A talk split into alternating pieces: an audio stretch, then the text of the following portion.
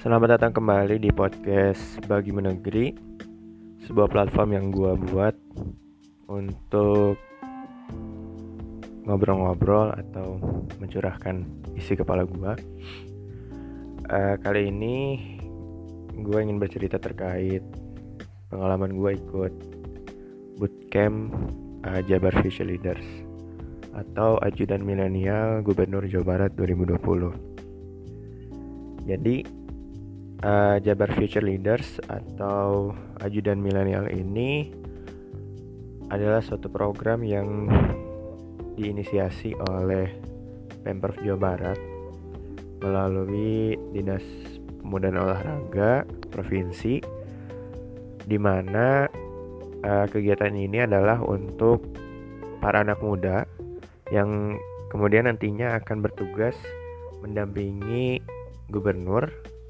selama satu minggu dalam berkegiatan sehari-hari. Jadi nanti pesertanya akan ikut ke mana pun gubernur Jawa Barat melaksanakan tugas, terutama di uh, dalam jangkauan di dalam negeri ya. Kalau misalnya ke luar negeri, setahu saya itu belum ikut, tapi ketika di dalam negeri itu ikut seluruh kegiatan gubernur. Jadi dari mulai pembukaan acara ataupun sampai meresmikan sesuatu dan lain hal sebagainya itu mereka diikut sertakan ke situ. Nah, jadi Jabar Future Leader sendiri tahun ini itu sudah memasuki program batch 2 di mana tahun lalu itu ada sekitar 30-an orang Nah di batch 2 ini ada sekitar 42 orang bertambah jumlahnya. Uh, dan bertambah pula pendaftarnya. Jadi uh, setahu gue tahun ini itu ada sekitar 4 ribuan pendaftar kalau nggak salah. Dan uh, yang diterima sekitar 42 orang. Dan gue adalah salah satu orang yang beruntung bisa terpilih di antara 42 orang tersebut. Jadi uh, kenapa kita mulai dari kenapa gue pengen ikutan program ini? Sebenarnya awalnya iseng-iseng aja karena uh, melihat dari apa ya publikasi dari kegiatan ajudan ini tahun lalu gitu ya dan dilihat-lihat kok menarik gitu ya bisa ikut kegiatan gubernur ke sana kemari. Nah itu jadi salah satu daya tarik yang membuat gue akhirnya tergerak untuk daftar gitu. Sebenarnya tahun lalu juga pengen daftar tapi karena kesibukan satu dan lain hal akhirnya gue memutuskan untuk daftar di tahun ini. Untuk pendaftaran sendiri itu ada administratif seperti daftar Bitly kalau salah. Atau iya kalau nggak salah daftar Bitly. Kemudian upload video vlog gitu. Dan setelah itu ada wawancara. Dan akhirnya pengumuman. Dan alhamdulillah uh, gue bisa ter terpilih jadi 42 orang yang diterima untuk jadi ajudan milenial tahun 2020 Nah setelah itu uh, kegiatan setelah terpilih adalah ada yang namanya bootcamp bagi 42 peserta tersebut. Jadi bootcamp ini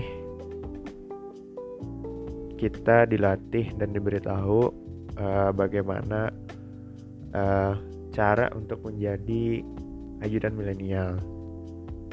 Jadi disclaimer dulu bahwa ajudan milenial ini berbeda dengan ajudan gubernur yang sebenarnya. Dalam artian memang mereka bertugas untuk jadi ajudan gubernur gitu sehari-hari. Terkait ajudan milenial ini uh, yang pertama ajudan milenial ini cuma bertugas selama seminggu. Kemudian uh, ajudan milenial ini tidak terikat dengan status seperti pegawai gitu ya jadi ya sifatnya hanya volunteer lah bisa dibilang. Kemudian uh, itu mungkinnya perbedaan dan kalau tugasnya sih mirip-mirip lah. Kalau dijelasin di bootcamp itu bahwa tugas ajudan ya mendampingi gubernur menyiapkan segala kebutuhan gubernur seperti power bank kemudian sketchbook pulpen dan naskah untuk sambutan dan lain-lain. Di bootcamp ini gue dikasih tahu uh, bagaimana seorang ajudan itu harus menjalankan tugasnya. Uh, jadi kembali lagi ke bootcamp ini uh, diadakan tiga hari. Tiga hari sorry tiga hari dua malam. Nah selama tiga hari dua malam ini di hari pertama itu kami dibekali oleh materi terkait uh, media sosial karena nantinya ajudan ini wajib untuk posting kegiatan hari itu atau kegiatan selama bertugas melalui media sosial seperti Instagram story maupun Instagram post gitu ya. Nah di situ kita diberitahu bahwa ada SOP tertentu untuk uh, pempublikasian kegiatan. Setelah itu uh, kita juga disambut waktu itu oleh atau diresmikan acaranya oleh Sekda Provinsi Jawa Barat uh, Pak Setiawan Suwangsa Asma, Suwangsa Atmaja masalahnya dan beliau juga memberikan sedikit materi di hari itu sekaligus uh, memberikan uh, atau meresmikan acara Bootcamp Jabar Future Leader 2020. Nah di hari pertama itu materi dasar sebenarnya dan juga lebih ke perkenalan uh, karena dari 42 orang ini banyak atau mayoritas belum mengenal satu sama lain. Meskipun memang uh, kalau gue lihat sendiri ternyata banyak yang terpilih dan juga berasal dari satu forum yang pernah mereka ikuti seperti genre gitu ya. Kemudian uh, Mojang Jajaka dan duta-duta anak atau organisasi anak dan lain-lainnya gitulah yang mungkin familiar untuk wilayah Jawa Barat ya. dan gue melihat uh, para 42 orang ini didominasi dari Jawa Barat bagian Priangan uh, Bandung kemudian uh, Garut, Tasik gitu ya. Bandung Barat, Kabupaten Bandung, Bandung Raya lah banyak. Dan gue di di sini di Jabar Future 2020, 2020 itu jadi salah satu-satunya uh, perwakilan dari Sukabumi. Baik kota maupun kabupaten hanya gue doang yang terpilih. Dan uh, di situ uh, gue senang sih bisa bertemu dengan teman-teman uh, yang mayoritas lebih muda ya. Di situ gue uh, kalau nggak salah ya gue kayaknya masih tingkat akhir ya sendiri deh kayaknya. Yang lain tuh ada ada yang kerja juga ada ada yang lagi S2 ada yang masih baru SMA mau lulus kuliah. Maksudnya mau lulus dan lanjutin kuliah. Ada yang semester 2, 4 ya gue merasa kalau nggak salah ya gue adalah salah satu satu satunya mungkin. Sepertinya. Atau enggak juga ya, yang jadi mahasiswa tingkat akhir di situ. Oke itu di hari pertama. Lanjut ke hari kedua. Itu full materi. Pertama itu dari materi terkait spiritualitas mentalitas gitu ya. Itu dari siapa namanya? Adiknya Agim. Aduh lupa gue namanya. Ya itulah pokoknya. Uh, terkait bagaimana seorang pemimpin dalam kacamata spiritualitas. Ya lumayan lah siraman rohani di pagi hari. Oh ya sebelum materi itu pagi-paginya kita olahraga dulu. Olahraga uh, lumayan sekitar sejam itu ya. Kemudian materi itu terkait pemimpin dari aspek spiritualitas kemudian juga ada materi dari humas Jabar terkait bagaimana kehumasan. Dan apa ya menurut gue humas ini salah satu hal yang menarik karena jujur selama sebelum jadi ketua BEM dulu ya ketua BEM FEM dulu. Gue memang senang untuk uh, melihat gitu ya, humas-humas pemerintahan gitu utamanya dari humas Bandung saat itu karena uh, Pak Gubernur sekarang Ridwan Kamil itu dulu masih jadi wali kota Bandung. Dan uh,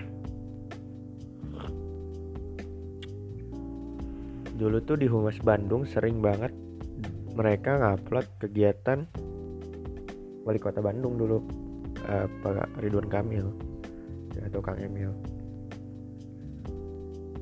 dan juga banyak yang diupload terkait uh, speech atau pidato-pidato beliau di berbagai macam acara atau kegiatan.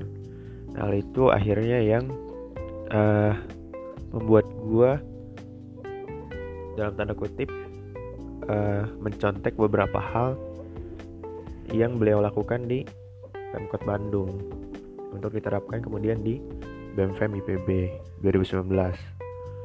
Seperti halnya terkait humas itu dulu di BEMFEM itu namanya bukan humas tapi nomenklaturnya adalah hubex atau hubungan eksternal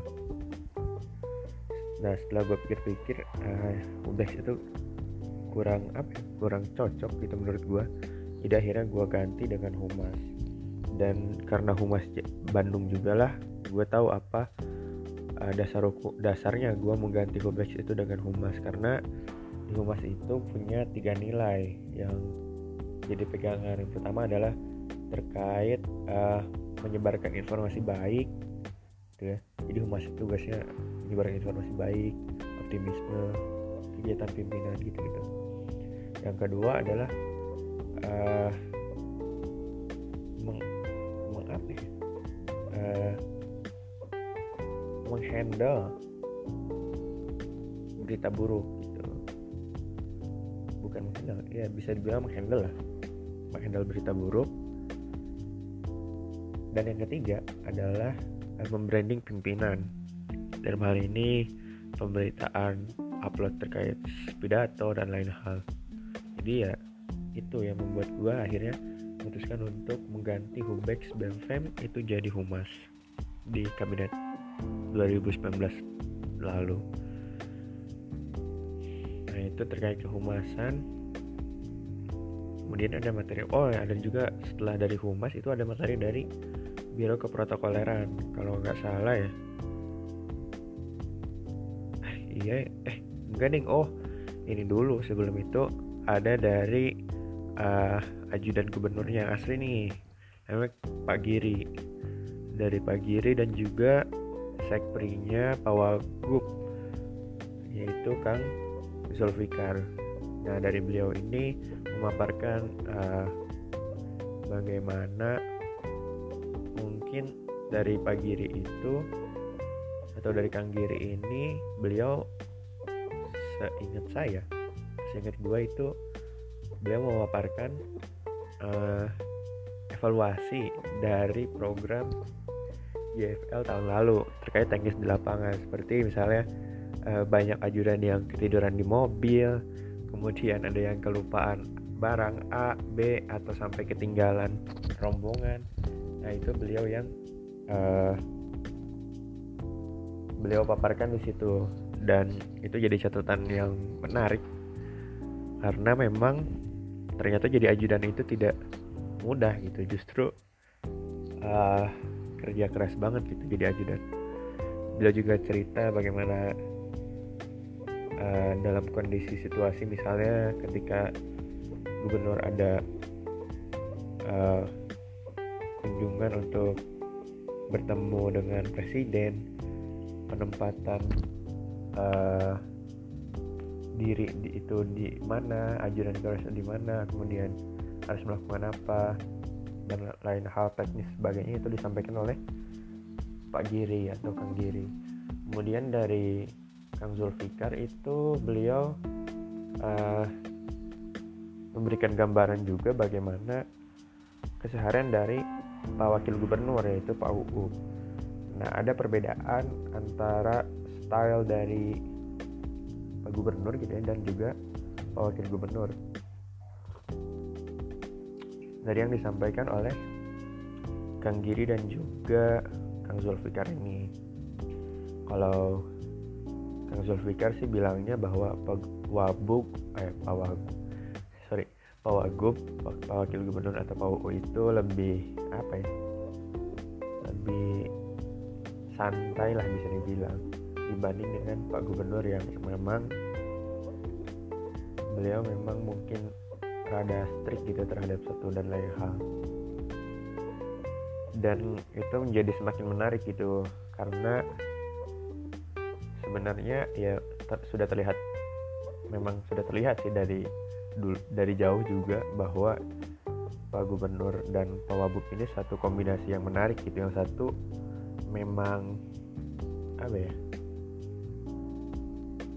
bisa dibilang stylish dan juga lebih ke pergaulan internasional dan segala macam tuh memang urusannya Pak Gubernur lah. Kang Emil tuh emang keren urusan itu. Dan Pak Uku ini memang cocok tipenya menurut gua karena sebagai wabuk sebagai wagub ya. Cocok karena memang stylenya memang santai gitu merakyat sering ke desa memang mencirikan banget bahwa beliau merupakan perwakilan dari unsur masyarakat desa gitu. Mainnya tuh mobil-mobil antik gitu ya. Kemudian suka sarungan pakai peci mulu gitu gitulah. Memang kombinasi yang pas ya dan gue semakin excited untuk bisa cepat bertugas dan belajar dari beliau-beliau gitu dan sayangnya ya setelah tidak lama setelah bootcamp itu ada pandemi ini dan akhirnya lockdown dan akhirnya belum berjalan lagi nih sampai sekarang terkait programnya. Oke itu di hari kedua. Setelah dari Kang Kiri dan juga Kang Zulfikar itu di malam harinya ada juga materi terkait uh, teknis keprotokolan dari Biro Set dan Protokol kemudian juga ada motif uh, materi atau motivasi dari uh, Kang Rio. Ini merupakan ketua KNPI atau bisa dibilang gubernur bagi pemuda lah KNPI Jabar. Kemudian juga orang yang keren uh, bisa jadi satu ketua dari organisasi KNPI yang terdiri dari beberapa banyak sekali unsur organisasi. Itu menurut gue hal yang sangat keren gitu ya. Dan salah satu modal politik yang bagus gitu bisa jadi UKMP ya, kita melihat saja lah beberapa tahun ke depan apa langkah yang akan diambil oleh uh, Kang Rio ini karena gue cukup menarik nih melihat langkah-langkahnya. Oke itu di hari kedua. Di hari ketiga itu kami ada outbound sih yang paling ini pagi-pagi outbound kemudian sorenya kita uh, berkunjung ke gedung sate. Banyak hal menarik di gedung sate yang akhirnya gue untuk pertama kali gitu bisa menginjakan kaki di gedung sate. Dan cukup amazed dengan uh, arsitektur gedung sate dan lain hal.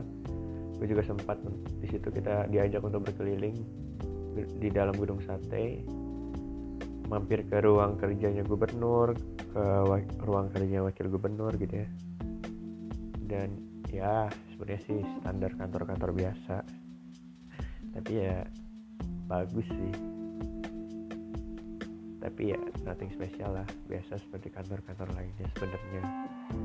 Tapi karena memang levelnya gubernur jadi wah keren juga nih. Gitu. Kemudian uh, diajak juga untuk mampir di museum gedung sate. Nah ini keren. Keren nih uh, gedung sate punya museum sendiri. Isinya sejarah-sejarah gedung sate dan banyak atau ada cerita terkait berapa yang belum ketemu ya? Enam orang kalau nggak salah. Itu ada jasad yang belum ketemu di sekitar gedung sate. Itu menarik banget ceritanya mungkin bisa di googling aja. Gue juga sempat untuk sholat di masjidnya gedung sate gitu ya di sekitar gedung sate ada masjid.